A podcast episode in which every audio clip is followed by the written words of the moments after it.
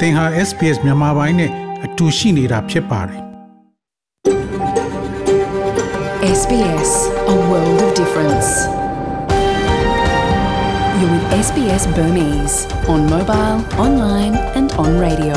mobile online နဲ့ radio ပေါ်မှာသင်ဟာ SPS မြန်မာပိုင်းနဲ့အတူရှိနေတာဖြစ်ပါတယ်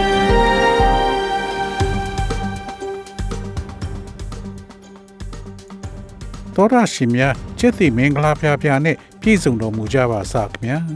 ဒီနေ့ February လ26ရက်စနေနေ့မြန်မာပိုင်းစီစဉ်များကို SBS Radio မှစတင်အသံလွှင့်နေပါရခင်ဗျာယနေ့စီစဉ်များကိုကျွန်တော်ကြော်ထုံးအောင်ခေါ် Terror အောင်ကတင်ဆက်သွားမှာဖြစ်ပြီးယနေ့ပါဝင်မဲ့အစီအစဉ်များမှာတော့အခြေချနေထိုင်ခြင်းလမ်းညွန်ကဩစတြေးလျကနိုင်ငံတကာចောင်းသားတွေကိုဘယ်လိုကြိုးစုံလဲဆိုတဲ့ဆောင်းပါး ရှမ်းပြည်တော်လှန်ရေးလူငယ်များအဖွဲ့လင်းယုံအင်အားစုမှတာဝန်ခံကိုရှမ်းကိုမေးမြန်းထားတဲ့ခန်းကဏ္ဍနဲ့တန်ဝင်ခက်ကပေးပို့ထားတဲ့စစ်ကောင်စီရဲ့အချမ်းဖက်ခံရသော KND နယ်မြေဆိုတဲ့ဆောင်းပါးတို့ဖြစ်ပြီးဒီနေ့ခေါင်းကြီးပိုင်းသတင်းတွေကတော့ဩစတြေးလျအစိုးရကရုရှားကိုပိတ်ဆို့မှုပြုလုပ်ယူကရိန်းတနိုင်ငံတည်းကိုယ့်ဘာသာခုခံနေရဟုဆိုကလေးမျိုးမှာ မီးရှို့ခံထားရတဲ့သားမိသုံးဦးအလောင်းကိုတွေ့ရှိ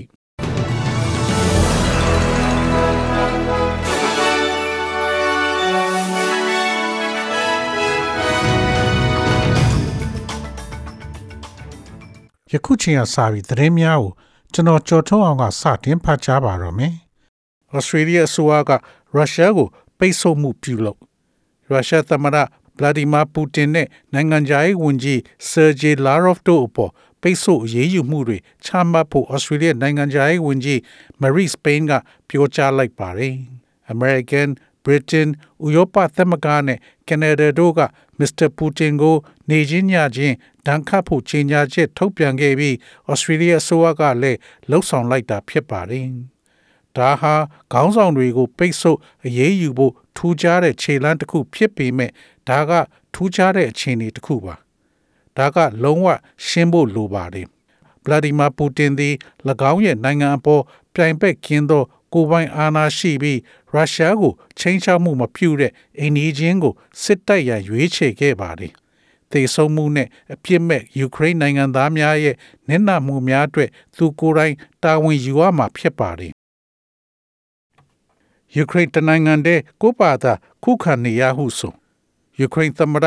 ဗလော်ဒီမာဇလန်စကီကယူကရိန်းကိုကူညီပေးဖို့နဲ့ရုရှားရဲ့ရက်ဆက်ကြမ်းကြုတ်တဲ့တိုက်ခိုက်မှုတွေရပ်တန့်ဖို့အနောက်မဟာမိတ်တွေထံထပ်မံမြစ်တာရက်ခံလိုက်ပါတယ်။ဒီနေ့မှာကျွန်တော်တို့တနိုင်ငံတည်းခုခံကာကွယ်နေရပါတယ်။မနေ့ကလိုပဲကမ္ဘာအင်အားကြီးတပ်ဖွဲ့တွေကကျွန်တော်တို့ကိုအဝေးကနေပဲစောင့်ကြည့်နေပါတယ်လို့သမ္မတဇလန်စကီကတိုင်းပြည်ကိုမိန့်ခွန်းပြောကြားမှာထည့်သွင်းပြောကြားလိုက်ပါတယ်။ ယမန်နေ့ကပြုလုပ်ခဲ့တဲ့ပိတ်ဆို့ရေးယူမှုတွေဟာရုရှားကိုနားချစီယုံနိုင်ခဲ့လားလို့သူကမေကွန်းထုတ်ခဲ့ပြီးဒါဟာလုံလောက်မှုမရှိဘူးလို့လည်းသူကပြောဆိုပါတယ်။မြို့တော်ကီယက်မှာအာယုံမတက်ခင်ကလေးကဒုံးကျည်နေနဲ့တိုက်ခိုက်မှုတွေခံခဲ့ရတယ်ဆိုတာကိုသမ္မတဇလန်စကီကအတည်ပြုပြောဆိုပါတယ်။ ယူကရိန်းစံတော်ချိန်မနေ့၄နာရီမှာတိုက်ခိုက်မှုတွေစတင်ခဲ့ပြီးရုရှားဟာအရက်သားတွေကိုပြစ်မှတ်ထားဖို့ရည်ရွယ်ချက်မရှိဘူးလို့အရင်ကပြောထားပေမဲ့ရုရှားရဲ့တိုက်ခိုက်မှုတွေမှာစစ်ဘက်ရောရပ်ဖက်နေရာတွေကိုပါပြစ်မှတ်ထားတိုက်ခိုက်ခဲ့တယ်လို့သူကပြောဆိုပါတယ်။ကလေးမျိုးချမ်းခွရွာမှာမီးရှို့ခံထားရတဲ့သားမိသုံးဦးအလောင်းတွေ့စကိုင်းတိုင်းကလေးမျိုးနဲ့ တောင်ပိုင်းချမ်းခွဂျေးရွာကသားမိ၃ယောက်ဟာစစ်ကောင်စီတပ်ရဲ့လှုပ်ရှားမှုတွေကြောင့် February လ22ရက်နေ့ကရာတော်ထဲကို ထွက်ပြေးပုန်းရှောင်နေစဉ်မှာပဲတပ်ဖြတ်ခံခဲ့ရတယ်လို့ဂျေးရွာသားတွေကပြောဆိုပါတယ်။တပ်ဖြတ်ခံရသူတွေဟာအသက်40အရွယ်မိခင်ဖြစ်သူဒေါ်ငွန်းစာလန်နဲ့သမီးနှစ်ဦးဖြစ်တဲ့အသက်16နှစ်အရွယ်မိုင်းတီရန်နွန်းကျွဲအသက်16နှစ်အရွယ်မိုင်းစွန်ဇာတိရန်တို့ဖြစ်ပါတယ်။ ဖေဖော်ဝါရီလ24ရက်မနေ့ပိုင်းမှာမီးရှို့ခံထားရတဲ့သူတို့ရဲ့ရုပ်လောင်းကိုယာတော်ထဲမှာတွေ့ရှိခဲ့ကြတာလို့လုံခြုံရေးအရအမည်မဖော်လိုတဲ့ချောင်းခွဂျေးရောက်သားတူကပြောဆိုပါတယ်။စစ်ကောင်စီတပ်စစ်ကြောင်းတွေဟာခွေးချင်းဂျေးရွာအနီးကယာတော်တွေထဲမှာတညစခန်းချပြီးရာတော်ထဲမှာခိုလုံနေတဲ့ချောင်းခွာရွာကသားမိသုံးဦးကိုဖမ်းဆီးခေါ်ဆောင်သွားကြတာလို့ဒေသခံတွေကပြောဆိုပါတယ်။ Queensland တွင် ရေကြီးရေရှမ်းမှုဖြစ် Queensland တွင် နောက်ထပ်သတိပေးချက်များထုတ်ပြန်ထားပြီး New South Wales မှာလည်းမိုးကြိုးမုန်တိုင်းများပြင်းထန်စွာ တိုက်ခတ်မယ်လို့ခန့်မှန်းထားပါတယ်။ Queensland တွင် ရေကြီးရေရှမ်းမှုကြောင့်နေအိမ်တစ်ခုကိုရေဝိုင်းတာခံခဲ့ရပြီးလူ9ဦးနဲ့၎င်းတို့ခွေးကိုရဟတ်ရင်ဖြင့်ကယ်ဆယ်နိုင်ခဲ့ကြောင်းသိရှိရပါတယ်။တောက်ချာနေ့နေ့လယ်ပိုင်းကရေတက်လာတာကြောင့်အဆက်အသွယ်ဖြတ်တောက်ခံခဲ့ရတဲ့ ဂင်ပီအရက်ကမိသားစုကိုကယ်ဆယ်နိုင်ခဲ့တာဖြစ်ပါတယ်။ကယ်ဆယ်ရေးအဖွဲ့သည် Life Flight ကို GPS coordinate များအသုံးပြု၍လမ်းညွှန်ခဲ့ပြီးနေ့လယ်တနိုင်း40နာရီခန့်တွင်ဘေးကင်းရာသို့ပို့ဆောင်ခဲ့ပါတယ်။ Queensland ရဲလက်ထောက် Commissioner Stephen Koloschki က၎င်းရဲ့အရာရှိများသည်အရေးပေါ်ခေါ်ဆိုမှုရာပေါင်းများစွာကိုဆက်လက်ကင်တွယ်ဖြေရှင်းနေရကြောင်းပြောကြားခဲ့ပါတယ်။ ရာသီဥတုဒဏ်ကြောင့်အပြင်မထွက်ချဖို့နဲ့ဘေးကင်းတဲ့နေရာတွေမှာနေထိုင်ကြဖို့လည်းသူကတိုက်တွန်းထားပါတယ်။အရှိတောင်ဘက် Queensland တွင် နေထိုင်သူများသည့်ပြင်းထန်သောမိုးရွာသွန်းမှုနှင့်အသက်အန္တရာယ်ရှိသောလှပ်တပြက်ရေကြီးမှုများနှင့်ရင်ဆိုင်နေရပြီးဆယ်စုနှစ်တစ်ခုအတွင်းဒေသအတွင်းအဆိုးဝါးဆုံးရာသီဥတုစနစ်များထဲမှတစ်ခုအဖြစ်ရင်ဆိုင်နေရတယ်လို့ဆိုပါတယ်။ ရန်ကုန်တိုင်းမြို့နယ်အများပြားတွင်ပောက်ကွဲသံများနှင့်ပြစ်ခတ်သံများထွက်ပေါ်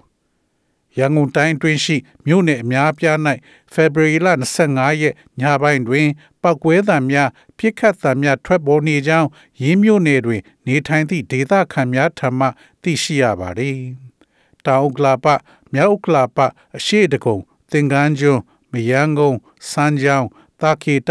ဒေါဘုံလှိုင်း လှိုင်းသားရနှင့်ခရမ်းမြို့နယ်တို့တွင်ရင်းပောက်ကွဲပြစ်ခတ်သံများထွက်ပေါ်ခဲ့ခြင်းဖြစ်ပါသည်။မြို့နယ်အသီးသီး၌ပောက်ကွဲသံများသည့်ည8:30မိနစ်ဝန်းကျင်တွင် ထွက်ပေါ်ခဲ့ပြီးည10:00နာရီကျော်ဝန်းကျင်တွင်ပြစ်ခတ်သံများကြားရခြင်းဖြစ်ကြောင်းဒေသခံများကပြောဆိုပါသည်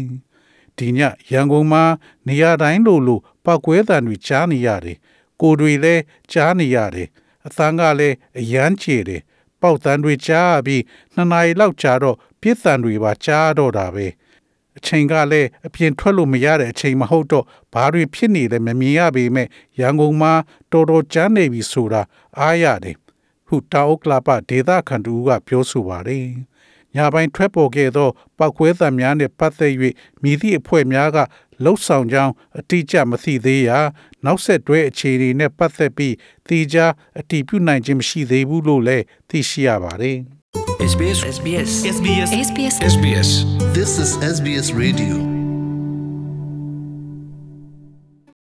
ငွေလဲနှုန်းမှာတော့ Australian dollar ကိုမြန်မာကျပ်ငွေ1280ကျပ်ရရှိပြီး American dollar ကိုမြန်မာကျပ်ငွေ1986ကျပ်ရရှိပါတယ်။ Australian dollar ဟာ American 80စနစ်နဲ့ညီမျှပါတယ်။မနေ့ဖြန်ဩစတြေးလျတိုက်မှာရှိတဲ့မြို့ကြီးများရဲ့မိုးလေဝသခန့်မှန်းချက်ကတော့ဆင်နီမြို့မှာအပူချိန်26ဒီဂရီစင်တီဂရိတ်ရှိမှဖြစ်ပြီးမိုးရွာသွန်းမှာဖြစ်ပါတယ်။ Melbourne မြို့မှာအပူချိန်29ဒီဂရီစင်တီဂရိတ်ရှိမှဖြစ်ပြီးမိုးတိမ်သားများအနည်းငယ်ရှိမှဖြစ်ပါတယ်။ Brisbane မြို့မှာအပူချိန်24ဒီဂရီစင်တီဂရိတ်ရှိမှဖြစ်ပြီးမိုးရွာသွန်းမှာဖြစ်ပါတယ်။ Perth မြို့မှာအပူချိန်33 degree centigrade ရှိမှဖြစ်ပြီးများသောအားဖြင့်နေသားမှာဖြစ်ပါတယ်။ Adelaide မြို့မှာအပူချိန်31 degree centigrade ရှိမှဖြစ်ပြီးနေသားမှာဖြစ်ပါတယ်။ Hobart မြို့မှာအပူချိန်20 degree centigrade ရှိမှဖြစ်ပြီးမိုးတိမ်သားများရှိမှဖြစ်ပါတယ်။ Canberra မြို့မှာ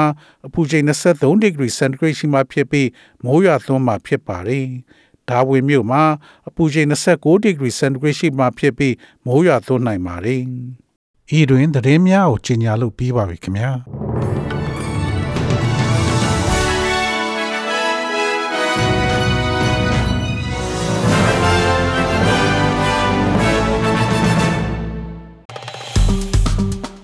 SPS မြန်မာပိုင်းကို Facebook ပေါ်မှာ like ရှာပြီး like မျှဝေမှတ်ချက်ပေးပါ